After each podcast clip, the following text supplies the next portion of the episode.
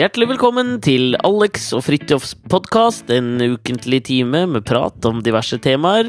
Og jeg antar som vanlig at du har mest lyst til å prate om deg sjøl, Fridtjof Rige Nilsen. Nei, på ingen måte. Ja, men det ser sånn ut på hele ditt ytre og på alt du nå prøver å vise meg visuelt over Skype, som vi nå spiller inn på. Altså, det første du sa når uh, Skype-vinduet åpnet seg her, Mm. det var at det så ut som det rommet Pamela Anderson har spilt inn uh, pornovideoer i. Nei, mer et slags generisk sånn uh, sextape, uh, hjemmelaget sextape-rom. Men det var ikke Tenker du mer sånn Linni Meister og han fra Paradise-rom? Ja, at Ja, litt der. Og uh, Ja, hvem flere er det så Nei, men det er, det er et eller annet med liksom den uh, estetikken i, i Ikke bare liksom farger og, og at veggene ser ut som de gjør der borte hos deg, men det er, det er følelsen, ass. Jeg vet ikke, Hvis det der rommet hadde kunnet eh, lukte, så hadde det luktet Det kan det jo! Lukter det hjemme hos deg? Nei, det gjør ikke det. Nei. Vi bodde jo på eh, Stryn hotell forrige uke, og det er derfor vi er treige med denne podkasten her. Mm. Fordi på Stryn så driver de ikke med internett. de. Det, de har liksom droppa det. Alle, alle er skiskyttere, og ingen driver med internett. I Så- Stryn? Er det så mye skiskyttere i Stryn? Er ikke det mer laidbacke typer som står på sommerski og kjører Ja, sklier? det, er, det er to måneder om sommeren. Bortsett fra det så er det bare Brødrene Bø. Store plakater av Brødrene Bø, og så er det skiskytterarena. De går på rulleski, og de har ja, Det er, det er skiskyttermekka. Jeg føler kanskje at eh, Stryn også, liksom som du vet, alltid den eh, jeg føler at den der go to-greia om steder Hvis det er en eller annen ting som gjentar seg på et sted, så spør man alltid hva er det hun putter i vannet der oppe i Stryna? Og da er spørsmålet mitt hva er det de putter oppi vannet oppe i Stryn der? Fordi er ikke også der Flo-brødrene er fra? Altså de, dette er jo et sted da som, som fostrer på en måte store idrettssøsken. Jo, men det er Alle har en sånn aura av Alle har en bror? Alle Nei, har et søsken. Nei, men alle har sånn derre 'Jeg har vært aktiv på landslagsnivå på et eller annet punkt'-aura. Alle du møter, da. Og du, du vet, er du kjenner typen jeg mener. Et mareritt av en bygd, for min del. Det er det verste jeg kan tenke meg. Nei, vet du altså tok, er, det, er- jeg det, er bygda, det er bygda som manifesterer knuste drømmer! Fy faen, det er noe dritt, ass! Ja, det var han ene jeg prata med der oppe. En litt sånn ung fyr, da. Ok. Som skulle hjelpe oss med Jeg er jo der med Alt for Norge, og da Mm. han skulle hjelpe oss, og så var det sånn De skulle spille Birkebeinere, da. Uh, eh, uten å røpe altfor mye, så eh, kan det hende det dreier seg litt om Birkebeinerne i en av episodene. Ops, ops, Nå gidder jeg ikke å se på denne sesongen Alt for Norge. Men da sto jeg og prata med han, og så var liksom alle Alle var skiskyttere, da. Så spurte han ja, hva driver du med. Nei, han jobber på G-sport. Uh, men han er også aktiv skiskytter, da. Er, er, er G-sport uh, eller andre sportsbutikker for skisporten det uh, serveringssteder er for skuespilleryrket? Skjønner du hva jeg prøver meg på her? ja, Du tenker på at alle i LA jobber egentlig som skuespillere og manusforfattere, men jobber på kafé, egentlig? Ja, er det er liksom skiskytterekvivalensen å jobbe på, på G-sport, G-max, Intersport eller Antonsport, liksom? Du tenker, er det revmatikernes Nav, på en måte? Skiskytternes G-sport? Ja, det kan jo Det er jo også en litt styggere måte å si det på. Men. Men, men, eh, nei, men det han sa, var at han skulle legge opp nå denne sesongen her, da. Og så sa jeg å ja, var du, var du god, liksom? ja. Uh, ja, han var god, men det var alle de andre òg. og det er jo Det må jo være jævlig For er en rar du- ting å si. Nei, men, nei, men det, er, det er jo som han sier, da, at når hele bygda satser aktivt på én idrett, så er det ikke plass til alle sammen. Så selv om du er jævlig god og satser Altså, han har sikkert gått på ski og skutt hele livet, han. Non stop, liksom. Trent beinhardt og alt mulig. Men, men det, er bare, det er bare plass til noen få, ikke sant? Og er, jeg syns det er litt sånn trist. Men dette her er jo altså sånn uh, Jerry Seinfeld har jo en greie i en eller annen standup en eller annen gang hvor han snakker om biathlon, som er skiskyting, og det han sier, at han syns det, det er en veldig merkelig kombinasjon av sporter. Altså gå på ski og plaffe ned noe.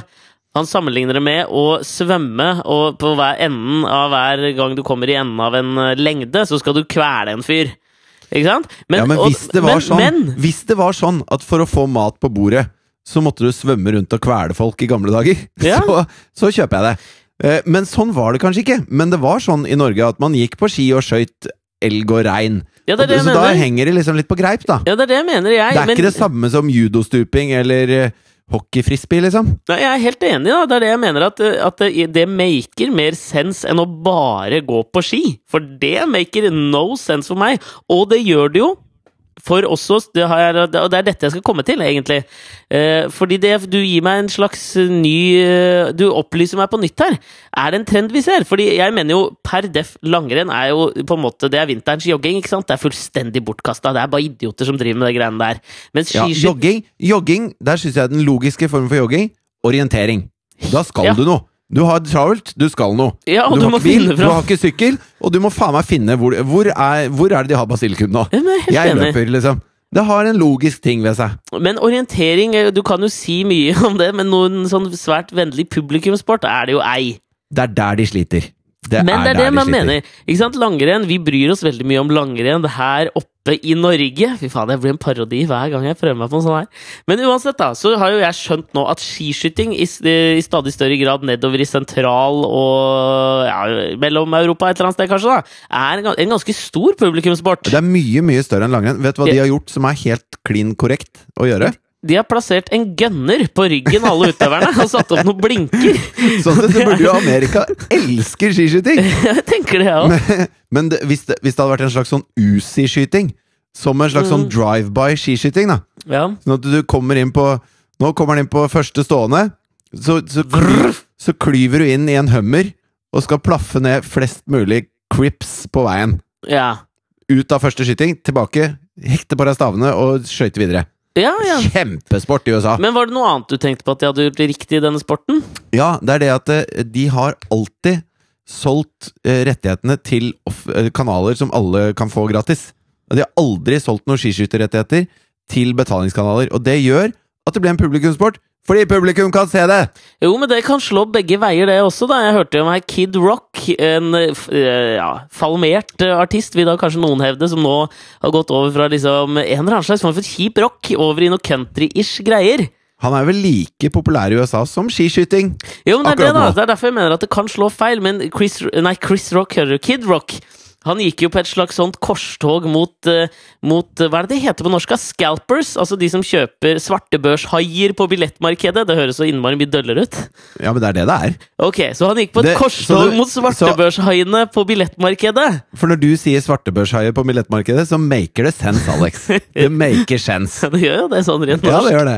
Jo, men han gjorde jo det her, ikke sant? Fordi det er jo et stort problem borte i USA. ikke sant? Det er at billetter blir stadig dyrere, så det vil si at det er noen mennesker som kan sitte med ganske sånn avanserte datametoder og omgå de reglene til Ticketmaster med at du bare kan kjøpe ni billetter eller åtte, eller hva faen det er, ikke sant? Ja. Så har de noen programmer som gjør at de bare hacker den dritten, og så får de kjøpt så mange de vil, og så selger de dem for de to, tre, fire ganger prisen, ikke sant? Ja. Og det er jo på en måte litt synd for Altså, det er ikke noe synd på artistene, men det er jo bare synd på artistene og forbrukerne, for det blir dyrere for forbrukerne, og artistene Ja, men- får ikke de penga de skal ha. Men hvorfor hisser man seg så jævlig Det er akkurat samme SAS driver med. Altså, Jeg skulle fly hjem fra Stavanger. og overbooka flyet. Og solgt kjempedyre billetter. Eh, altså De selger jo billige billetter en stund, og så merker de Oi, markedet etterspørsel. Wow, jeg selger litt dyrt, jeg nå. Jeg selger litt for mange, jeg. Og så ser vi hva som skjer. Det er akkurat samme. Det er ingen som eh, går til korstog mot sa... Jo, det er det kanskje. jo, det er det! Og du kan, Ja, bli det er du kan bli Norges Kid Rock, da, for det Kid Rock gjorde, som han mente Han var, gikk jo og var jævlig kritisk mot eh, Rolling Stones, blant annet, for de skal jo ut på på en måte en slags sånn eh, siste avskjedsturné. Det har de sikkert gjort mange ganger, men nå sa de det i hvert fall igjen. Og han mente liksom hvorfor priser dere billetten deres så jævlig høyt? Det er jo ingen av deres liksom fans som har råd til å gå og se på dem.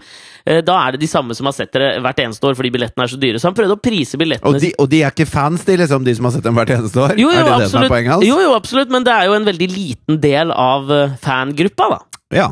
Til et så stort band. Ja. Men det han gjorde, da, det var jo at han prisa billettene på showa sine. Og denne her er lett å angripe, jeg, så du kan få lov å ta den åpenbare her. Ja. Men han prisa det jo ned til liksom sånn 20 dollar, da, for å komme og se eh, Chris Fy faen! Kid Rock! Crips, Bloods, uh, Crips Crib, Cribs Rock. Og, og jeg tenker jo den åpenbare der er jo kanskje han ikke er verdt mer, og kanskje ikke folk ville betale mer, men jo, det viste seg jo at de ville. fordi det som skjedde da, var jo bare at disse svartebørshaiene på billettmarkedet kjøpte opp enda flere av hans billetter, så det liksom backfira litt på Kid Rock, dette korstoget. Jo, men har ikke han da fulle hus? Eh, jo, han har jo fulle hus, men det har jo fortsatt Hva, hva er det han syter om da? Han har lyst til at det skal være billigere for fansen å komme på showet hans. Og det ble det Ja. selv ikke etter at han prøvde å senke billettprisene. Men eh, jeg har jo et Så spørsmålet er vel egentlig Skjer dette på skiskytterarenaen? hva, Tenker du på at fordi det er gratis, så bryr de seg ikke så mye? Eller hva, hva er det du tenker? Men, Altså, men er det gratis å komme inn på stadion på en Nei, men på? TV, da! Altså I stedet ja, for at man må kjøpe seg TV2 Sumo Premium-dritt for å se på skiskyting, Ja. så går det på NRK. Men den logiske uh, forlengelsen av det vil jo være at på et eller annet sted så må de tjene penger. Ja, kanskje de da skrur opp billettprisen istedenfor, tenkte jeg. Eller kanskje bare det faktum at det er millioner som ser på, istedenfor bare de hardcore få fansa som ser på, gjør at de har et større marked for promo. Det, he det, kan, også, det kan godt også stemme. Her Det er nok vi... helt riktig, tenker jeg. vi skal finne ut dette her til, ut til neste podkast, for min svigermor er jo en ihuga uh, skiskytterfan, og hun reiser jo rundt i Europa og ser på skiskyting. Vet du hva, Da har jeg et oppdrag til deg. Da skal du gå hjem til din uh, uh, Hva er det, farmor? Mor, hvem mor? Svi- Svigermor? Svigermor, var. Jeg har ingen andre. Det er svigermor okay. som er igjen. Svigermor, da. Ja. Så du går hjem til svigermor, skal du si åh, nå leste jeg ideen at uh, nå har uh, Skiskytterforeninga solgt seg til TV2. Så nå må du kjøpe sånn TV2 Sumo Premium. Det koster 159 kroner måneden for å få skiskyting i vinter. Kommer du til å gjøre det? Altså, Jeg veit ikke om jeg tør det etter noe jeg opplevde tidligere denne uka. Fordi jeg var ute Jeg var ute Du kan jo bare lure det litt. Det må være greit. Du er ikke så redd for svigermor, er du det? Jo, etter det jeg opplevde tidligere denne uka, så er jeg faktisk det. Jeg var, hadde besøk, vi hadde besøk av svigermor forrige helg. Eh, og så er jo Mari gravid, så hun trenger litt ro Hva? og hvile. Er hun gravid? Trenger litt ro og hvile sånn innimellom. Så det Ja. som skjedde her en morgen eh, forrige helg hvor vi skulle ut, da var at eh, svigermor og jeg og min datter Asta gikk ut sånn i forkant. Så kunne Mari få ta seg en litt lang dusj og, og ta det litt roligere enn å sånn stressemorgen med unger. Ikke sant? Har hun, har hun noe cravings om dagen, siden hun er ganske høygravid? Annet enn dusj og søvn? Eh, nei. Hun har faktisk ikke det. Nei. okay. Hun har alle behovene sine innfridd, tror jeg. Ja. Dusj og søvn. Dusj og søvn. Så svigermor og jeg er ute og går, da, vet du! og så skal vi gå opp i Sankthanshaugenparken, hvor det er en del fine lekeplasser, ikke sant? Mm. Og så kommer vi til, eh, så går vi, så veit vi om én eh, lekeplass liksom på baksida av Sankthanshaugenparken, hvor det var en jævla flott sklie som Asta kunne øve seg på å klatre opp i. da, Så hadde hun liksom akkurat lært seg det, så det var litt sånn stas, for det var litt høyt å klatre opp og sånn. Ja. Så det, da skulle vi gå dit, så hun kunne liksom vise det, da. Og så kommer vi til denne lekeparken, og på skiltet utenfor der da, så står det liksom her 'barn leker', og så står det 'hunder forbudt'. ikke sant? ja. Og når vi ser inn, så sitter det to eh, damer der med eh, et kobbel med bikkjer. Si at det er fire bikkjer, da. ja. Er det, kvalifiserer det til et kobbel? Ja, det er et kobbel. Ja, så det er et kobbel med bikkjer, ingen er i bånd, og det er ganske store hunder. Og ikke for å være et rasshøl, men, no, men veldig ofte, eller veldig ofte, alltid, så dømmer du mennesker litt når du ser dem. Ja, ja. På deres, uh, på deres ytre så, så tenker man umiddelbart én tanke. Altså, jeg, er veldig glad i når de tingene endres, ja, ja. når man begynner å prate med dem. Men det hadde jeg dømt de folka litt. Men det er, og, det er jo fordi du er klar over det at du har tatt deg masse tattiser? For du vil at folk skal dømme deg som en kuling med tattis? ikke en kuling, men litt mer sånn en badass med blekk på arma. stiv kuling. En stiv kuling kan de godt dømme meg som. Ja, det er greit. Men jeg hadde da dømt disse damene litt som damer som har hunder som ikke er i bånd. Og som ikke tenker seg så nøye om. Ja, Ja. ikke sant? Ja. Og så er det, tenker vi sånn åh, dette her er litt dritt. Det står hun forbudt, og det er en lekepark for kids, og det er aha, det er litt sånn, Du blir litt sånn Kom igjen, da! Ikke sant? Ja. Du får den følelsen litt. Er det inngjerda område? Ja, det er inngjerda område. Ja. Og så, men så tenker vi at liksom ikke faen, jeg orker ikke, vi bare går inn. Og da kommer liksom disse bikkjene bare spurtende mot, ikke sant? Og Asta blir jo selvfølgelig bitte litt redd. Det er jo hunder som er høyere enn henne. Eh, og da er vi litt sånn hei. Nei, jeg er litt sånn hei. Svigermor er litt sånn hei! Hun er hard, da, og jeg liker det. Hun, er, hun gidder ikke piss. Og det sånt ja. liker jeg, liksom. Så hun sier liksom klart og tydelig fra meg at dette her er ikke greit. Og da tenner de damene da på alle plugga, ikke sant? Hva, hva med det er det de ikke forstår, da? Nei, ja, det er jo et godt spørsmål. Altså, hva, hva, hva Når de tenner, Ja. hva sier de da? Altså, de sier da De sier så mye. Det sånn, jeg var litt fyllesyk, for jeg hadde vært i bryllup dagen før, og så hadde jeg opplevd så mange fine ting at jeg var liksom veldig sånn i et veldig sånn lite konfronterende humør. Jeg Du vil heller la barnet ditt bli spist enn å ta en krangel med noen fremmede damer? Nei, nei, definitivt kunne jeg ta en krangel, men jeg, jeg var mer i den derre Du vet, noen dager, noen få dager i året har du opplevd meg i det der mindsettet hvor jeg er veldig sånn eh, i ett med altet, med verdensaltet.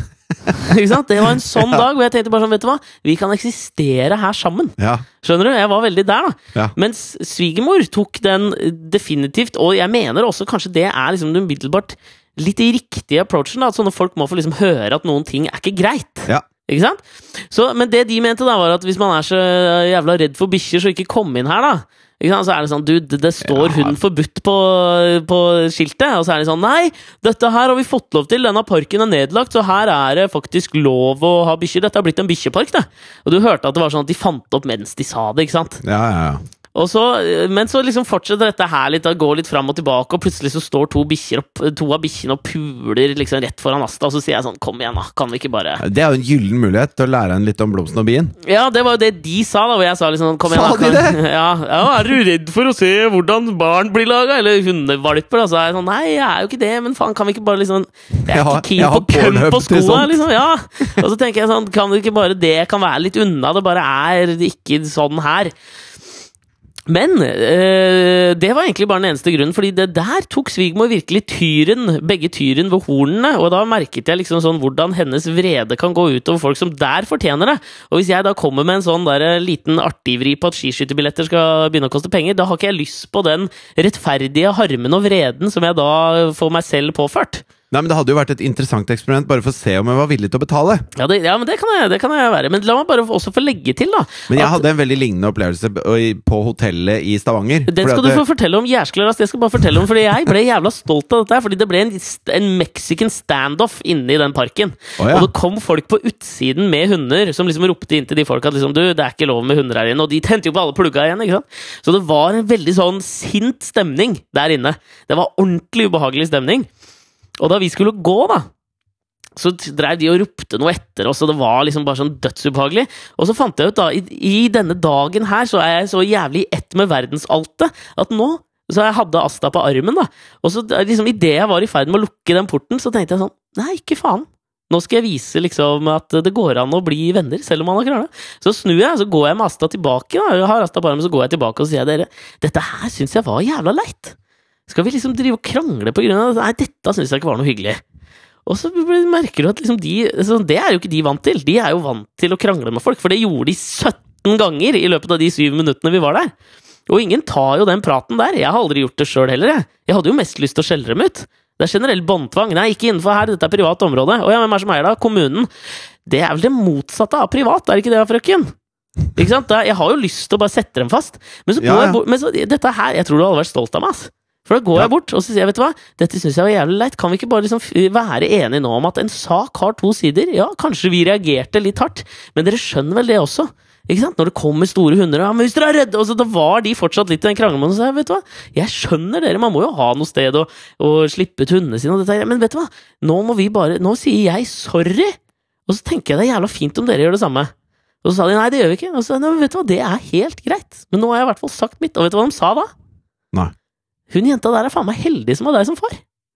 Ja, Men stakkars henne som har den svigermora. på deg! Nei!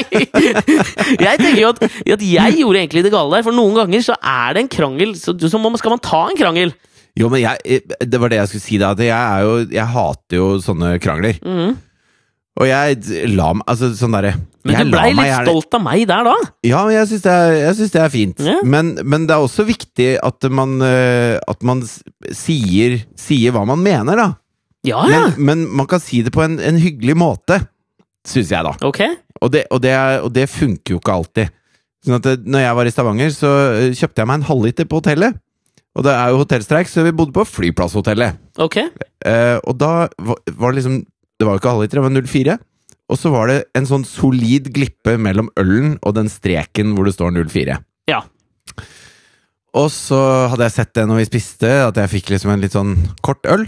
Og så skulle jeg ha en øl til, da. Ja. Så gikk jeg bort til baren og sa jeg skulle gjerne ha en øl som jeg har sett på rommet. Og sånn. Så ja, så ga han meg en litt kort øl.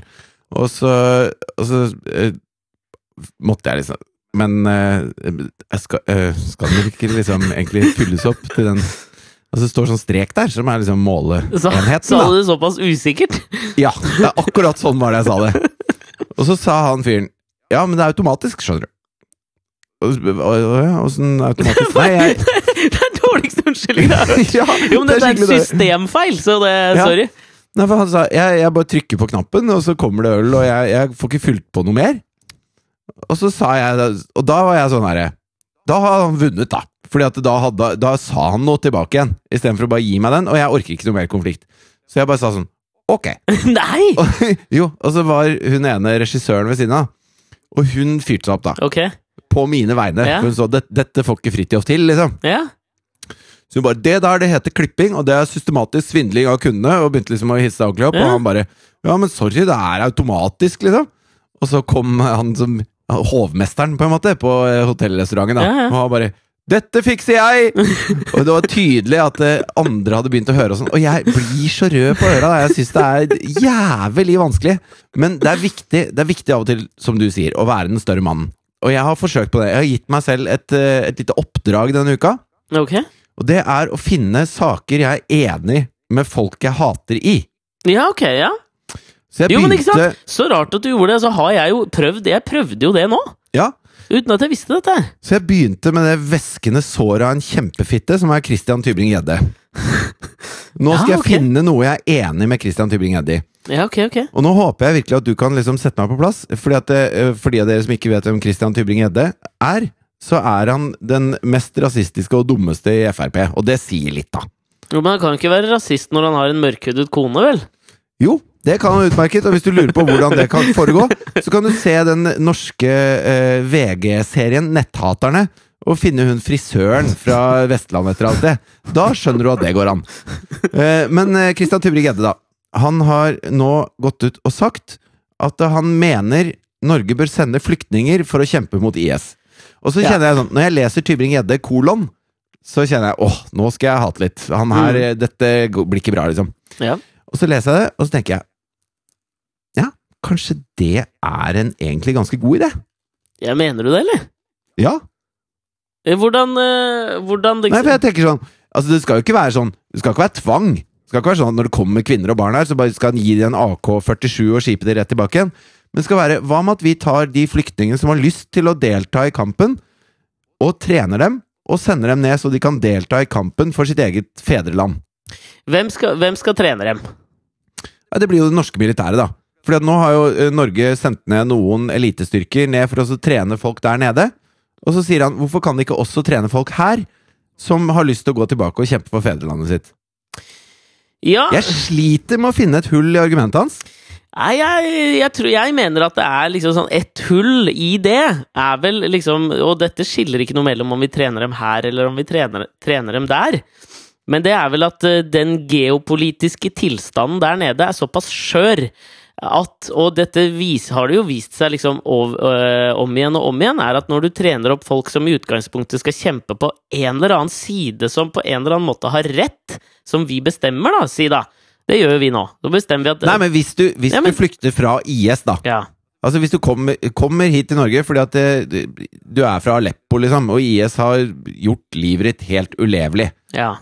Og så eh, får du da tilbud om å eh, bli trent opp og kunne dra ned og, og kjempe for å bli kvitt IS fra den byen du er glad i og har vokst opp i og egentlig vil være i. Mm. Eh, skjønner ikke helt hvorfor det er en dårlig idé, ass. Ja, men jeg, La meg fortsette, da. Det jeg mener da at det som, Grunnen til at det er så skjørt, er jo at de som ø, bor der, og som kriger der nede, skifter veldig ofte på en måte De skifter side veldig ofte. Det er jo liksom folk som, som reiser ned til en situasjon som er såpass eh, kaotisk, da. Eh, at du starter med å liksom kjempe på én side. Men det, alt dette, dette bildet forskyver seg jo eh, hver dag. Jo, så du vet liksom aldri hvilken side du jobber på. Og så mener jeg også Jo, men kanskje det, er at er nettopp, kanskje det er nettopp de menneskene som kommer derfra, som har muligheten til å navigere i det der. Ikke noen sånne elitetropper fra USA eller Norge eller Frankrike eller Tyskland har muligheten til å navigere det, for de skjønner jo ikke de forskjellige maktstrukturene der nede.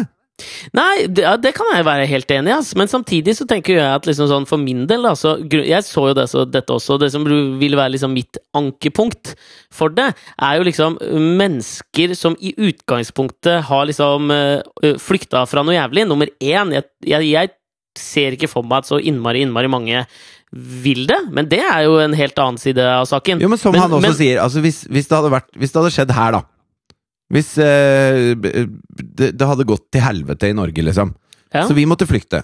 Så vi flykt, la oss si vi flykta til eh, Somalia, da, for eksempel. For, som er det motsatte av Norge, på en måte. eh, Mm. I Altså, eh, eh, i sånn ting man kjenner seg igjen i. Mhm. Og så uh, hadde noen sagt nå, skal vi, nå skal vi, har vi lyst til å sende en, en styrke tilbake igjen for å prøve å frigjøre landet deres. Har dere lyst til å delta i det? Ja, det kunne jeg sikkert godt tenkt meg. For man, Ja, men- jeg tror de fleste har egentlig lyst til å bo hjemme. Altså Syria var jo et flott land å bo i før de gikk Ja. åt skogen. Ja, men det, det selvfølgelig tenker jeg i utgangspunkt så vil alle det. Men det, det som var, liksom, var mitt sånn ankepunkt, som er mitt sånn personlige ankepunkt mot dette her, da, Ja, det er at jeg, jeg kan ikke liksom se for meg at eh, en løsning på noe som dette eh, er å på en måte bevæpne og trene opp enda flere folk til å skyte og drepe og lage faenskap for å løse noe. Og så kan du si at det Nei, er naivt du, og ideelt og alt mulig. Tror du faenskapet forsvinner hvis vi bare tømmer altså, er- Tenker du at vi bare skal tø tømme landet, da? Til det ikke er noen flere å skyte på, liksom? For, for de som driver og skyter nå? Jeg skjønte ikke helt hva du mente. Nei, jeg, jeg jeg mente at, eh, at hvis vi ikke trener Altså, det, det er jo det samme som skjer når vi sender styrker, eller når, når vi bevæpner eh, forskjellige grupper der nede og sånn. Så, så prøver vi jo liksom å, å bli kvitt de andre, da. De slemme. Ikke sant? Hvis vi snakker eh, på en måte gode og slemme her, da. Mm. Noe som er veldig platt å gjøre, selvfølgelig. ja, men det er det jeg sliter litt med, Fordi det er den jeg ikke helt kjøper. Fordi, ikke sant, liksom sånn, Hvem skal du støtte da? Og det viser seg til stadighet når liksom vi i Vesten velger å bevæpne noen, så snur de seg liksom mot oss, fy faen, i gåstein, senere. Og i tillegg så vet du liksom ikke liksom hva, hva skjer i et eller annet sånt vakuum hvis du blir kvitt noe Hvis du blir kvitt IS? da, Hva skjer i et vakuum når du sitter en hel haug med forskjellige grupperinger masse våpentrening og våpner der nede da? Jeg syns det er litt sånn risky business-tankegang. Ja, men, ja, men her, nå har, nå har Tubring-Gjedde lagt en løsning på noe på bordet. Ja. Da må ikke du bare si Da må du komme med en, en uh, rivaliserende løsning. Du kan ikke bare si at uh, Nei, men det blir bare dumt hvis vi gjør det. Da må du si vi bør heller gjøre sånn og sånn. Nei, Og det, det- syns jeg ikke jeg må. Jo, jo, du må jo det. Nei, men, nei, det kan ikke være det, altså, Du kan ikke sitte her og be meg skissere opp en løsning for fred eh, rundt eh, områdene der hvor IS holder til. Det har Christian Tybring-Gjedde gjort. Ja, og da må jeg også kunne få lov å si at jeg syns ikke det er den beste ideen jeg har hørt. Men jeg er helt enig i at det er ikke på det tidspunktet jeg har vært mest uenig med Christian Tybring-Gjedde. Det er det ikke. Så du er enig med han? Ja, ja. Ok, neste okay. hatobjekt som jeg Mm. tenker hm, Ja, kanskje det, gitt. Mm. Uh, Sylvi Listhaug. Mm. Hun har lyst til at uh, flyktninger skal få lov til å lage lunsj til skolebarn. Sånn at hun vil bruke uh, skolekantine som praksis, sånn at de får omgås At de får liksom språktrening, får jobb, og barn også får se disse som kommer fra ganske drøye situasjoner, og lære litt om verden. Tenker jeg. Ja, det er en god idé, Sylvi. Hvem er det som skal gjøre det? Barn òg? Skal det være barnearbeid? Nei, barn går jo på skole, da. Ja, så det var ikke lage- flyktningbarn som skulle stå med leddgikttenna sine og smøre baggiser? Nei, det er da flyktninger, voksne flyktninger som skal få jobb i skolekantiner med å smøre skolemat til, eh, til skolebarn. Ok, Skal de få betalt, da? Ja. Ja, da syns jeg det er en fin idé. Ja, Det eneste problemet med akkurat den Altså, jeg klarer ikke helt å slippe hun Sylvi Listhaug, da, selvfølgelig, Ok, er at hun snakker mest om i den artikkelen at hun gjerne kunne tenkt seg å slippe å smøre matpakke. ja, Mener du det? Altså, Ja. Det er en, øh, en selvisk motivasjon? Ja, ja, det er det. Altså, her traff hun i typen forslag, men motivasjonen er fremdeles selvisk, og det er jo et problem. Ja, men ja, er det det? Det spørs hvilken uh, moralfilosofi du abonnerer på, da. Jo, men som, som uh, inkluderingsminister, eller hva faen det heter for noe, det hun er. Ja? Hva er det det heter for noe? Integreringsminister? Var det det du Assimile på? assimileringsminister. altså, som integreringsminister så skal du ikke sette seg bare Hva er det jeg har lyst til å fikse nå? Jeg har lyst til å slutte å smøre matpakke. Da Ja. kan jeg bruke flyktningene til det! Ja, men jeg, jeg kan si meg eh? Det kan jeg si meg enig i. Men utfallet er forhåpentligvis positivt. Og vi har jo vært jævla harde med Sylvi Listhaug eh, lenge i denne podkasten. Men vi, kan jo, vi kan jo være såpass eh, Vi kan jo åpne øya såpass mye og si at liksom sånn Det er jo en eh, jævla Urias-post hun har fått seg der, da. Det kan vi være enige om. Fordi Ja. samme hva Sylvi Listhaug hadde gjort, så hadde vi jo ikke vært fornøyde. Jo, men jeg, akkurat dette er jeg ganske fornøyd med. Resultatet er jeg ganske fornøyd med. Jeg synes at dette er det første jeg har lest om henne hvor hun faktisk gjør noe integreringsministeraktig. Ikke noe 'la oss, bli, la oss bremse strømmen'-aktig, hvis du skjønner. Men samtidig så Eh, kunne vi jo også prøvd å gitt dem jobber som tilsvarte eh, på en måte utdannelsen og kompetansen de har fra der de kommer fra. da. Det hadde jo også vært en tipp topp måte å løse integrering på. Selvfølgelig. Det, Bare sånn for, for å kaste det inn i potten her. Man kunne jo begynt der. Man kunne begynt der. Ja. Jeg er enig i det. Ja. Men, eh, men jeg syns at eh, jeg var ganske flink der, jeg. Altså, nå har jeg gitt deg litt skryt for å snakke med de bikkjedumme damene. ja, ja, ja. Så da fortjener jeg litt skryt for å finne noe positivt om Sylvi og Christian. ja, men vet du hva? Jeg, skal, jeg skal gi deg Jeg gir deg den, altså. Ja, takk skal det ha, syns jeg var bra. Ok, men da skal jeg skal prøve på en ting eh, skal i, i, i, liksom, I denne ånden, da. Så la meg prøve på en ting, jeg òg, da. Ja, Fordi jeg har lest til stadighet nå liksom nye altså Dette har jo vært en ting som jeg har prata om før, men det er en ting som opptar meg uh, på en daglig basis. Ja. Og det var altså at uh, homofile eller lesbiske kan få lov å gifte seg i kirken. Det er en pågående debatt. For jeg leser liksom, i hvert fall to ganger i uka så leser jeg en eller annen debattartikkel eller en kronikk av en ny prest som skal synse om dette. Og de fleste, som jeg leser i hvert fall, da, som skriver inn, de er negative. Og den siste, eh, den siste jeg leste, eh, det var av en prest som het Marit Rannestad. Hun skrev i Stavanger Aftenblad at hun hadde meldt seg ut av kirken fordi hun ikke kan være, på, være med på å innføre en ordning som skaper far- og morløse barn. Og dette er i utgangspunktet Ja. noe jeg vil si meg eh, jævla uenig i. ja. Skal jeg fortelle deg hva som skaper far- og morløse barn? Ja, gjør det. Det er eh, institusjonen ekteskapet. det skal, la, meg, la, meg, la meg bare komme For- dit. Fordi Er, er det ikke over 50% Jo, det er Nå? Nei, jeg tror ikke det er det. Men, Nei, men det er rundt 50. Ja, men, men la meg bare si noe av det hun sier. fordi at det, eh, det hun skriver, da, er at ekteskap Og det har hun rett i her. Ekteskap er en betegnelse på det forpliktende samliv mellom mann og kvinne. Det er det jo. I, I utgangspunktet så er det jo det. Og så bla, bla, bla, bla, bla, og så skriver hun videre. ikke sant? Det ligger i måten Gud skapte himmelen og jorden. Og så siterer hun Bibelen, og Gud skapte mennesket Ja, i sitt er- bilde, og så ja. videre. Og så skriver hun da barn, barnet er en frukt som følge av dette skaperverket. Barn kan aldri bli en frukt av likekjønnede forhold. Dette kan være smertefullt, men det er sannheten. Og det er jo gøy at sånne mennesker kaster uh, begrep som sannhet rundt seg, da. Uh, Ja, for det er ikke sannhet, fordi at det går an og kunstig befruktning fins, for eksempel. Mhm. Altså Det å si at ekteskapet er en betegnelse på det forpliktende Samliv. samlivet mellom mann og kvinne, Mhm. det er jo akkurat som å si at det, internett er noe man bruker til å sende beskjeder mellom forskjellige forskningsstasjoner på CERN. Fordi at det, det, var det, det var det det var da. Nå bruker man internett til flere ting. ja. Og sånn er det jo nå. Nå har man kommet dit at det, at det, det, det funker helt fint for likekjønnede å leve sammen. Det funker helt fint å, å fordele arbeid og ansvar og plikter og gjøre ting, og de elsker hverandre, og de har det bra sammen, og de passer sammen. Og da har de fleste innsett at det, det er ikke lenger definisjonen på ekteskap. Nei, men, men vi er jo, jeg er jo nå i forståelsens hjørne, og det jeg skal si til hun her Marit Rannestad, da, som Ja. gjør at jeg forstår henne, det er jo at hun har jo tydeligvis en veldig bokstavtro tilnærming til Bibelen. Så hun, hun Ja. tror at Gud skapte alt, ikke sant? Og Ja. det jeg tenker da, er at jeg har stor forståelse for at det føles jævlig dramatisk når det du, eller når det hun da opplever som Uh, altså Hun opplever noe som viktige grunnsteiner i sin religiøse tro, og plutselig så skal det endres. Da skjønner jeg at hun blir pissa redd, jeg.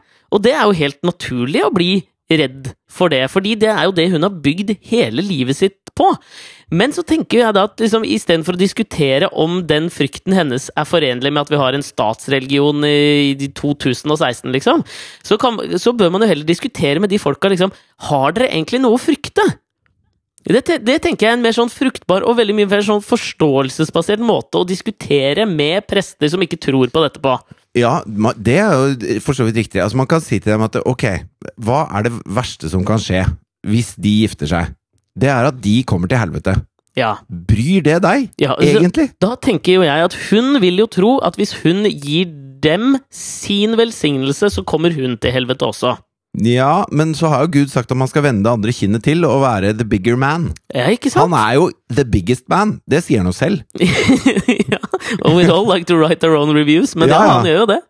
Men det er fordi det jeg tenker da, som må liksom være tilnærming til disse folka, er ikke kanskje sånn som jeg har tidligere blitt, å bli jævla sinna med en gang, sånn som du har blitt mot Christian Tybring-Gjedde, bare du leser navnet hans, kolon og sitatstrek. Det er jo fordi han bare har sagt rassting i mange år nå, da. Ja, men det har jo denne gjengen her òg! Ja, det har de. Men samtidig, så da, nå er vi jo i forståelsens hjørne, så tenker jeg at eh, får vi prøve å diskutere det på eh, Prøve å finne en eller annen sånn common ground, da, som jeg gjorde med bikkjedamene i Sankthanshaugenparken. Og det må jo være det at jeg tror jo alle på en måte leter etter den tingen i livet sitt som de her har funnet i religionen og i Gud. Eller i Bibelen, da.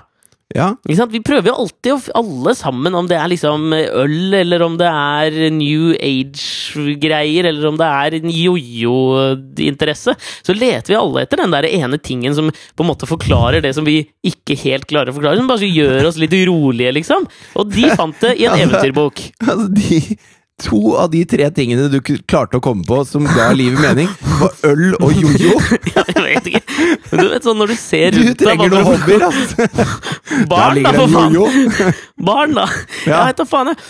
Fordi at jeg tenker jo at Hvis de skjønner at hver søndag når de står i kirken og messer sitt budskap, så eksisterer det et likt antall syn på kristendommen i den kirken som det er antall mennesker der, uten Ja. at det rokker ved fellesskapet som er den kristne tro, liksom. Det er jo et jævla godt tegn på at Den norske kirke, og kirken generelt, kan romme jævla mange flere mennesker og synspunkter enn det de ser ut til å tro, da. Og så er det jo sånn at når, når Gud sier at du skal gjøre mot andre som du vil at andre skal gjøre mot deg, så er det jo grenser for hvor bokstavelig man vil at det skal tolkes. Ja, ja. Fordi at det, det jeg tror Gud mener Jo, men det, hvis, hvis det går an å si for meg? Ja, Men det går an å Eh, si for alle, det er poenget mitt. Ja, ok. Det jeg tror Gud mener da, det er at eh, folk skal vise meg den forståelse og, og den, det handlingsrommet da, som jeg viser til andre. Det betyr ikke at hvis jeg har eh, Hvis jeg helt desperat vil at en dame skal ligge med meg, så skal jeg gå og ligge med henne, fordi at det er det jeg vil. Nei. Skjønner du? Ja. Altså, Man skal ikke tolke ting så ordrett, da. Og der mener jeg at det, eh, det, det Altså, når det gjelder ekteskapet, da, så vil jo hun at hennes ekteskap sikkert skal respekteres og holdes i hevd. Ikke at alle andre skal være en del av det ekteskapet. Og da kan hun tilby det samme til de. Det er jeg helt enig i. Så det vi kan si da til Marit Rannestad og disse andre folka, er om selv om vi to personlig syns at religion er en slags intellektuell latsmannssport for dogmatikere, mm, så betyr ikke dette her at noen trenger å frykte for sin egen eksistens eller sin personlige tro. Slapp helt av. Dette klarer vi å løse sammen.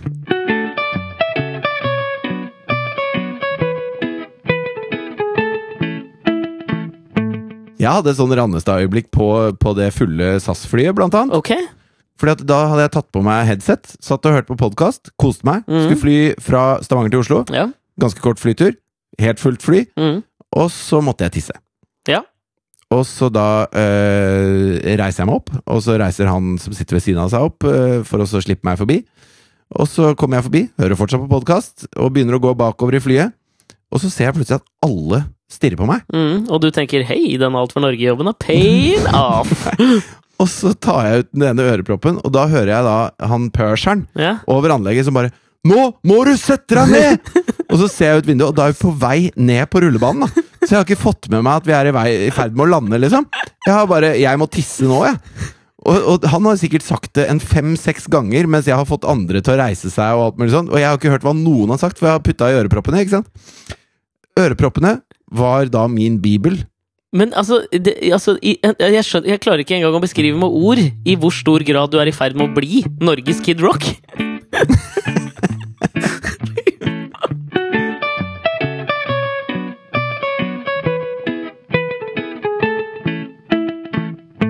Alexander Nyhagen, Ja, jeg har en quiz til deg. Okay. Jeg så noe innmari gøy på internett her nå. Okay. Fordi at eh, Billboard Top 100 har laget en slags sånn, noe som heter eh, Polygrafen. Ok, ok. Hvor det da er eh, Altså løgndetektor?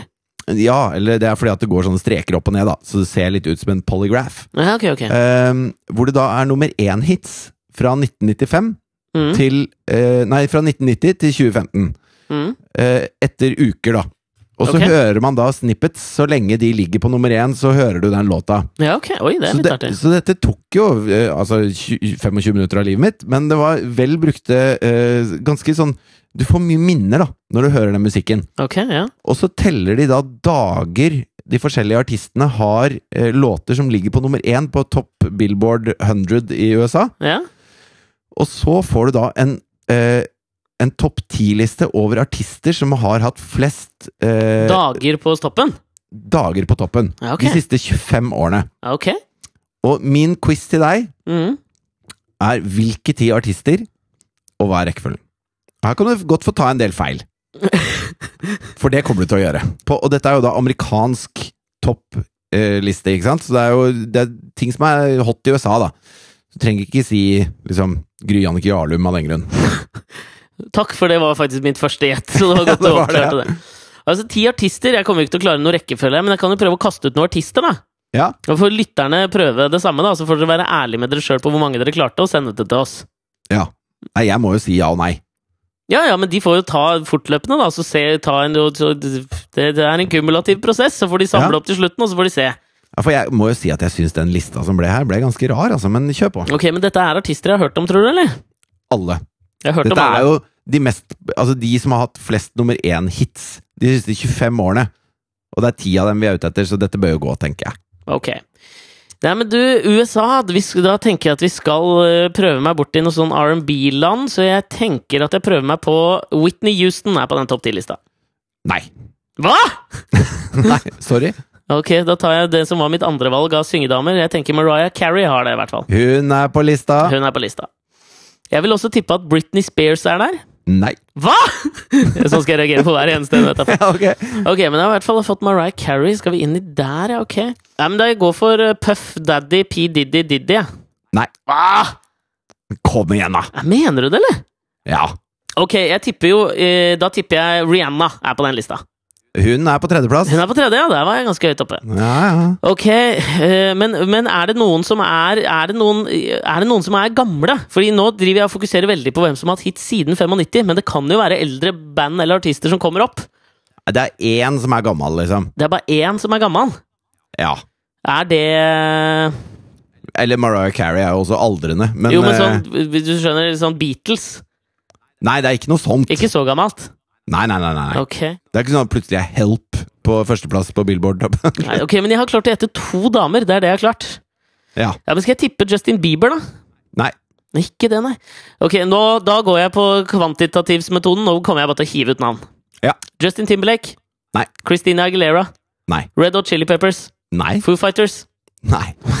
det gikk jævla dårlig, dette òg. Ja, det gikk veldig dårlig. Men borti USA Ok, men da får jeg gå litt inn i rappeland, da. JC. Nei. Will Smith. Nei. Uh. Det klarte du bra! Dette var jeg ordentlig dårlig på. Ok, da tror jeg jeg må begynne å få noe hint. Ja, men eh, det er tre og en halv rappere her. Eminem, for faen. Ja! Ja, Eminem er på lista. Så da har jeg klart tre. Mariah Carey, Eminem og Rihanna. Ok, men det er to rappere til. Outcast. N- det- Nei. Åh, fy faen. Men det er liksom I det landskapet er det en. En gruppe. Det landskapet! Ja, er det en gruppe? Ja, hva faen er det landskapet for noe? Jo, det er et landskap. Ja, jeg må ha noe mer, no, ha noe mer hint, jeg. Ja, det no, har noe med erter å gjøre. Black Eyed Peas! ja! Riktig. Landskapet til Outcast! Jo, men det er jo litt gruppe, da. Ok, så vi har Rihanna, Black Eyed Peas, Eminem og Mariah Carey. Ja, jeg syns jo at det- Nå bør du liksom begynne å, å zoome inn litt. Altså, hva, hva, hva kan Rihanna liksom Hvilket landskap er hun i? Hun er i R&B-landskapet, vil jeg Fin, påstå. Fins det noen andre store R&B-damer? Ja, jeg følte at jeg hadde sagt noen, jeg, da. ja. Men uh, 1995, hvem andre er det vi har, da? Beyoncé, for faen! ja! Fy faen, ja, den satt langt inne, ass. Ja, nå er du treig, Ja, dette her var, var tydeligvis ikke dagen for sånne quiz-oppgaver, ass. Er det lov å si Max Martin, eller? Nei, han er ikke innpå der. Jo, han er jo det, men han er jo Nei, ikke vet du hva? Jeg gir deg stryk på dette her. Ja, det- nå, skal jeg jeg selv opp, eh, nå skal jeg lese opp topp 10-lista her. På tiendeplass Ja. 50 Cent. 50 Cent, altså. Ja. Fiddy, vet du. ja. Burde tatt Ja. den. Ja. Inda Kløb og sånn Ikke si ikke, ikke. Bare fortsett. Ok. På niendeplass, den ene jeg tenkte på som litt sånn gammeldags, Ja. Santana. Ah, den hadde jeg aldri gjetta. Nei, Maria Maria og sånn, vet du. Ja, Lå jo ja, ja. 40 uker på topplista. Men var ikke det et samarbeid med han Løken? Jo, det var det nok. Ja. Jeg vet ikke hvem du prater om, men ja. Ja. Og så er det da Nelly. Har hatt jævlig mange hits. ja, den hadde jeg heller ikke tatt. Nei. Og så er det Eminem. Ja. Så er det Mariah Carey. Og på femteplass The Black Eyed Peas, som du klarte nesten helt selv. Ja. Så blir det spennende. Ja. Fjerdeplass Katy Perry. ja. Burde tatt. Burde tatt. Ja. Tredjeplass Rihanna. Ja. Andreplass Beyoncé. Ja. Og på førsteplass, med 47 sammenhengende Eller ikke sammenhengende, da. 47 uker til sammen på bil nummer én Billboard Top 100 Usher. Hva faen? Det er helt sjukt! Ja, dette Er ikke det helt Men når du leser opp lista der òg, så tenker jeg at jeg er ikke innenfor forståelsesrammesegmentet lenger, så jeg, dette tar jeg ikke Er ikke i helt. målgruppa, vet du. Dette treffer jo ikke meg. Helt sjukt. Hva faen? Men hva, hvilke, hvilke Altså, hva? Det er ikke et eneste rockeband inne på lista? Nei, nei. Rock er ut, kompis. Siden 95? Hvorfor tror du jeg jobber i TV-bransjen, da?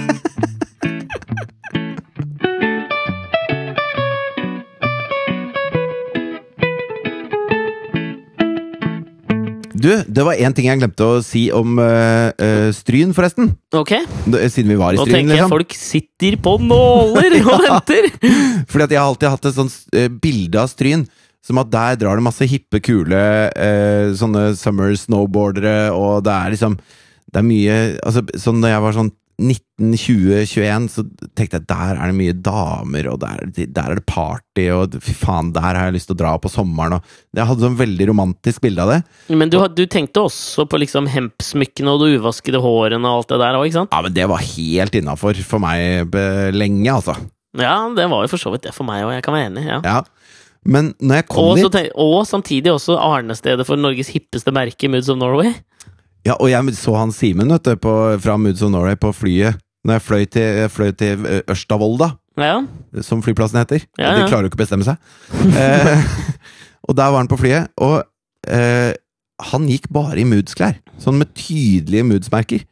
Og så eh, Ah. måtte liksom Ja, for det er litt sånn eh, Hvis du spiller i band, da, så skal du ikke gå i ditt eget band sin skjorte, liksom. det er noe Erik Faber over det greiene der, Ja, det er noe litt sånn betent over det. Men Nei, bortsett fra det smilte han og var veldig hyggelig, da. Og, okay. og det det er sånn flyvertinna på Widerøe-flyet satte seg ved siden av han, og det var, han er litt sånn rockestjerna oppe i Ørsta-Volda-draget, vet du. Ja, men Jeg skjønner jo det, da. For Ja, all del, altså. Men Absolutt. kjørte du Er det en Santelmann med han nå, eller? Nei, jeg har ikke sånn derre har ikke sånn b- innmari trang til å bli bestekompis med han. Eh, Han er hyggelig, han, men, eh, men jeg har ikke noe trang til det, liksom. Santelmann, derimot. Uff, Ja, det, hadde er, vært, å, det hadde vært jævlig fett. Bare ringe han og bare Du, skal vi se Deadpool på kino sammen en dag, eller? Da er det hyggelig, Santelmann. Da må jeg kalle han noe annet enn Santelmann, da, selvfølgelig. Ja, så blir det jævlig pinlig. Sant. Men Hallo, Santelmann! hei! Det er Santis! Hallo, Wow. Santis! Begynn sånn. Begynn samtalen sånn. Ja, Hallo, altså- Santis! Du, Woohoo! woohoo! Eh, faen, du er homla! Kult at du fikk være med der, da. Hæ, har du vært med der? Ja! Du, Santis, Det er rart jeg syns Santis er fet. Ja, han er faen, han er fet, ass. Fet, ass! Du er blitt far, han, eller? Ja ja. Triller rundt på barnevogn på Løkka, vet du. Faen, han fet far, ass. Fet, ass. Hallo, Tror han er en bra far, Men- tror jeg, ass. ja, jeg tror det. Men eh, jo, det jeg skulle si, var på eh, Når jeg kom til Stryn, så Sant, jeg tror Santis er en jævlig øm elsker, ass. Tror du det? Ja. Men at han viser liksom hvordan han vil ha det. på en måte, skjønner du hva jeg mener? Den beste kombinasjonen som fins. Altså, langt forspill, og så knuller han hardt. Ja, det tror jeg faktisk. Han er helt perfekt i senga. Santis, altså. Uff, nå, ble jeg, nå ble jeg flau. Nå ble jeg sånn ordentlig rød for meg selv. Tror han har en helt sjukt konsekvent barneoppdragelse, liksom. Ja, tror du det? Ja, liksom Både følelser, men allikevel så vet han når han må stramme inn for ikke få en altså, Ungene hans kommer til å bli geniale, liksom. Et eller annet. Du- Fantastiske forskere og arkitekter. Tror du han kjører sånn method nursing? Ja, det tror jeg definitivt. Jeg bare tror han vet liksom alt. Altså, det kommer intuitivt til han, tenker jeg. Jævla mange ting til Santis. Jeg så forresten den derre eh, Den eh, åh, eh, Straight Outta Compton her om dagen. Ja, ok. Har du mye fritid om dagen. Ja, men det er litt, det er litt fly og buss og sånn, da, Ja. da blir det litt filmer. Og så, og så syns jeg han som spilte Ice-T, var så jævlig lik Jeg mente Ice Cube, sa Ice-T, Ja. mente Ice Cube, var- sier Ice Cube nå. Han som spilte Ice Cube, var så Sier du Ice Cube, eller sier du Ice Cube? Hva er det du sier her? Nei, Ice Cube. Ice Cube?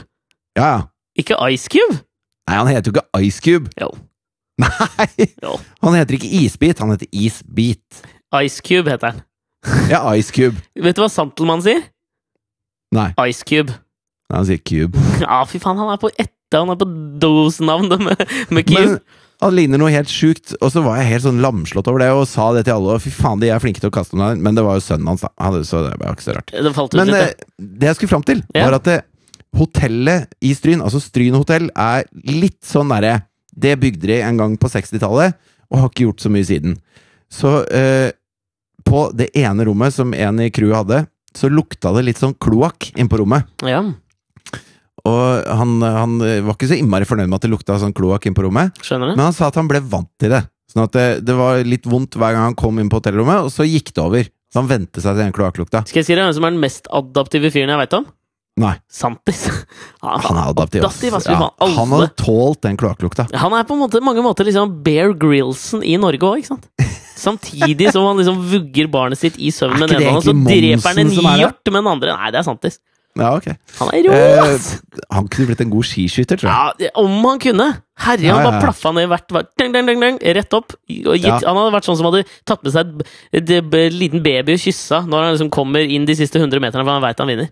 Han har ikke sånn der Hanevold-snørr. Nei, snørr Jeg tror faen, eh, Tobias Saltmann han har aldri sn måttet snyte seg, han. Nei, Det har vel ikke du heller, har du det? Eh, Jo, jeg har måttet begynne litt nå. Det er var noe jævlig med pollen. Ja, For du gikk helt fram til nå, egentlig, uten å Jeg er ikke så glad i å snyte meg. Det syns jeg er noe forbanna dritt. Du slurper det inn og svelger det isteden. Nei, men jeg kan ta sånn fotball sånn der ut av hver nesebor. Det klarer jeg. Det er jeg helt ok på. Men Nei, det er litt langrennsløpere å gjøre, ass. ja, men det, det- skal jeg si deg hvem som hadde pulled off det, eller? Ja, Santis. fy faen, han gjør det så innmari fett, ass! Men i hvert fall, Kroppen hans bare Så- absorberer snørr. tror Jeg tror faen meg nesten Santis aldri har svetta engang, Altså. Ja, faen, han er rå, ass! jo, men det, svetting kan være litt tøft, vet du. Ja, det er for så vidt sant. Ja, Ja, i, jo, jo. Han har, Santis, han har mekka på noen ikke- motor, han, liksom, han har ja, men Santis han svetter ikke under armene, han svetter foran på brystet, Ja, som ved på T-skjorta. Han har ikke sånne, der, sånne ringer under armene, han Nei, har bare sånn ved foran. fy faen, tenk det. Men eh, også, når vi skulle dra fra hotellet, så skulle han Tenk deg når Santis dusjer, da! Det er jo fett der å se på! han, er, han er så heit at det er tørt når han går ut av dusjen. Han har aldri brukt håndkle! Det var fett, ass! Han trenger ikke såpe engang. Hans naturlige lukt er liksom som Ja. den lukten han løken i Henri Syskens parfymen bare søkte etter og drepte masse damer for. Det lukter Santis. Ja, ja, han gjør det. De, de har prøvd å sample han faktisk. Samtidig sample lukten hans. Har ikke fått til. Tenk deg å få barn med han, da. da må du, faen meg, du, du får ikke vondt når du føder Santis sitt barn. Nei, nei. Det er som å nyse. Fy faen, det er helt rått. Ok, Ja. Så det han er på Stryn da, i dette Ja, i, i kloakkrommet sitt, og så, og så går han rundt og skal gjøre den der Du vet den idiotrunden? Har jeg glemt noe her nå? Ja. Eh, etter at du har pakka.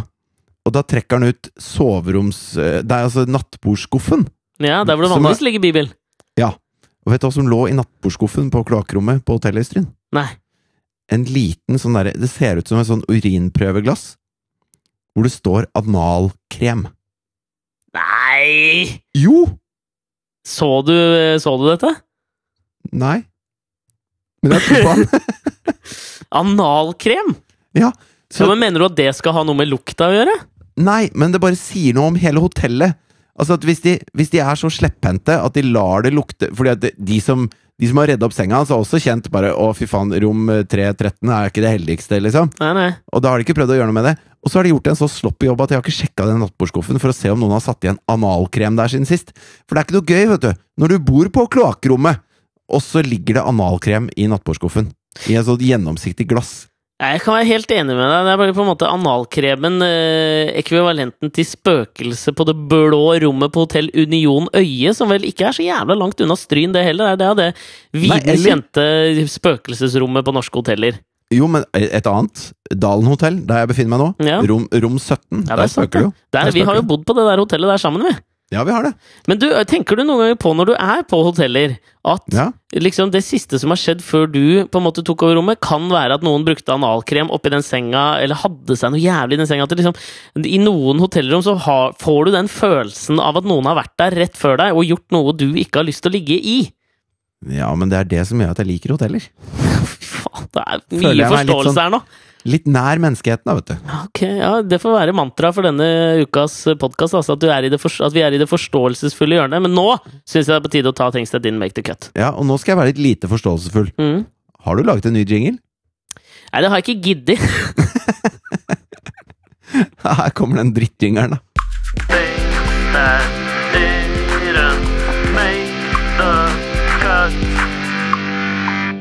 Jeg har hørt på radioen Mm. at eh, de har funnet ut at eh, hvis de sender SMS til eh, eh, ungdommer Hvem er at- de? Hva faen er det? Dette er, dette er løst, ass! Nei, hør nå, da. Hør nå da. For å øke valgdeltakelse har de funnet ut at dersom man sender en SMS som minner om valgdagen til ungdommer, så øker valgdeltakelsen med 5% Ok. Dersom man sender brev Dersom man sender et brev til eh, innvandrere, så øker valgdeltakelsen med 5-7 okay. Brev funker ikke på ungdommer, SMS funker ikke på innvandrere. Okay. Det sa de på radioen. Ja. Og så hadde de da intervjuet en del mennesker som ikke stemmer, og spurt dem hvorfor stemmer du ikke. Mm. Og da eh, hadde de gitt uh, uh, Det var tre stykker spesielt som jeg beit meg merke i, men alle ga liksom versjoner av samme svaret. Har ikke tid, kjenner ikke til partiene, og skulle ikke ut akkurat den dagen. Skulle være hjemme. Og da tenker jeg Kan vi ikke bare drite i å sende brev og SMS til de folka? Vær så snill. Er det noe vits, liksom? Ja, ja, ja. Altså, Jeg vet at vi har lyst til i et demokrati å ha en høy valgdeltakelse, Men for Men enhver pris! ikke når de gir bare helt fullstendig faen. Da må de gjerne bli hjemme, ass. Ja, jeg vet du hva, jeg er helt enig, jeg. Vet du hva? Ja. Og dette er Noen kan drite i å stemme. Ja, kan ikke de som ikke, ikke de, Hvis du ikke bryr deg, så ikke bry deg. Nei, og vet du hva? Den skal jeg faen meg som en slags TV-shop-reklame skal jeg slenge på. Du skal fortsatt få lov å klage, men bare ta så drit Ja, ja. stem. Ja, bare drit hos dem hvis du ikke gidder. Hvis du ikke skal ut den dagen. Ja, da Drit kan du faen meg drite i Ja. det. Fordi, det er, fordi hele sesongen med House of Cards har kommet ut, liksom. Bli inne, da. Og så kan du sitte og irritere deg over eh, at du ikke skjønner hva som foregår i House of Cards. Ja, men Det er jo et eller annet i meg som sier at de som eh, binge-watcher House of Cards, er ikke de som nekter å stemme, liksom. Så frem til ikke har lest den nye boka til Russell Brand, da, jeg føler at vi skal liksom styrte hele dette vaklende systemet ved å ikke stemme. Jo, men det er jo ikke de som ikke kjenner til partiene og ikke har tid. Det er noen som gjør det å ikke stemme som en bevisst handling. Og Ja, det er også det. fint. De Men ser på House of Cards, tror jeg, men de andre her Hvis yeah. du, hvis du sitter og aldri har bestemt deg for uh, at du ikke vet hva de forskjellige partiene står for, og du aldri har bestemt deg for noen ting du syns bør være på en annen måte, drit i det. Bifalles! Takk. Du, da? min eh, lille Jeg var jo i bryllup på eh, forrige lørdag. Bryllup? By. Det er sånn Santelmann sier det. Å ja, det er det. Ja, Takk. Da lukter det til og med godt når du sier det. Jeg tenkte det. Fy faen, han har god ånde, ass! Ja, det tror jeg. Hva tror du den lukter, da? Den tror jeg lukter som øh, Den tror jeg lukter som øh, Du vet når du har bada i sånn derre øh, smeltevann oppi en bekk? At det lukter sånn derre friskt, oh, rent smeltevann. Hells yeah! Ja. Å, fy faen, det er godt! ja, det lukter så godt. Ja, du får lyst til å krype inn i kjeften til Santelmann og bo der, liksom. Bare ta deg et bad. Så vi kunne vært Hans Karius og Baktus. Å, fy faen, det hadde jeg gitt mye for å være, ass. Nei, men Jeg var i bryllup her på lørdag, og så tenkte jeg at der opplevde jeg en ting som liksom ga meg et eller annet mål med å leve til jeg blir gammel. Det hørtes jævla trist ut. Var ikke sånn ment. Du har ikke hatt det fra før? eller? Jo, jo, men at, at det ga meg et, et sånt mål om sånn vil jeg bli når jeg blir gammel. Ja, Det var mer det jeg mente. Og, det, og da, eh, ikke, da vil jeg jo gjerne bli som Santelmann, men hvis det ikke er mulig, som jeg kanskje innser at det muligens ikke er, så vil jeg gjerne bli som han fyren jeg skal fortelle om nå. Fordi da var vi Det var liksom festen etterpå, og så var det litt sånn taler. Og da eh, skulle Og dette her er en sånn ting man hater å høre. Så når man liksom bare er klar for å ta og begynne festen i et bryllup, så, man, så sier toastmasteren følgende Og så har eh, brudens eh, bestefar lyst til å si noen få ord, og gi han en stor applaus. Han er jo 93 år! Og da tenker jo alle Fuck! Det er du ikke noe keen på sånn rett før festen skal begynne, for da veit du sånn erfaringsmessig at dette blir langt, og det blir smertefullt, uinteressant og helt bare jævlig. ja. Da er det bare sånn derre eh, om uh, onkler du aldri har hørt Ja. om, og ja. Grandonkelen din Petter hadde vært stolt i dag. Hvorfor det? Nei, fordi han var så glad i bryllup. Ja. Ok. Men det som skjer, er at han her fyren også, Fortsatt så tenker jeg det, for han har jo da en stokk og klarer liksom karre seg opp. Det var en sånn liten scene hvor talerne sto. Kommer seg så vidt opp på den scenen liksom, og liksom stagger seg bort til mikken, liksom. Og så lirer han altså av seg det beste jeg har hørt noensinne Ja, i et bryllup. Fordi ikke sant, det han skjønner, han ser at det er jævlig mye unge folk der. da Så han gjør at han går opp og så sier han liksom bare sånn Du, jeg vil bare gratulere dere så mye. Eh, og, så, og så drar han liksom en sånn bitte liten sånn eh, en liten artig kommentar som folk ler av, og så sier han så skal jeg gi meg med dette her. Og så drar han altså en vits som dreier seg om to gamle mannfolk. Jeg, jeg gidder ikke å prøve å gjenfortelle denne vitsen, for da blir den ikke, den blir uansett ikke morsom. Nei, Men så dreier det seg om da to gamle mannfolk som sitter på, på aldershjemmet, og som begge har the hots for en dame som bor der, da. Og så hun er clean, hun er litt sånn Alzheimer-ish og er litt sånn småsprø, så hun kommer gående nedover gangen i, eh, helt naken. Og så sier han at han ene sier til han andre Fy flate, det var en skrukkete kjole hun hadde på seg i dag. Ikke sant? Og, Ja. ikke sant? Det, og så sier han 'takk for meg', og går ned. Det er det han leverer, liksom. Og det er jo stående applaus! Altså, det er jo det råeste jeg har sett, liksom. Men skal man ikke si noe som har noe med brudepar å gjøre? Ikke, ikke noe sånn pensjonistporno? Jo, men han sa grattis og alt det der først, og så sier han jeg vil bare dra denne her, liksom.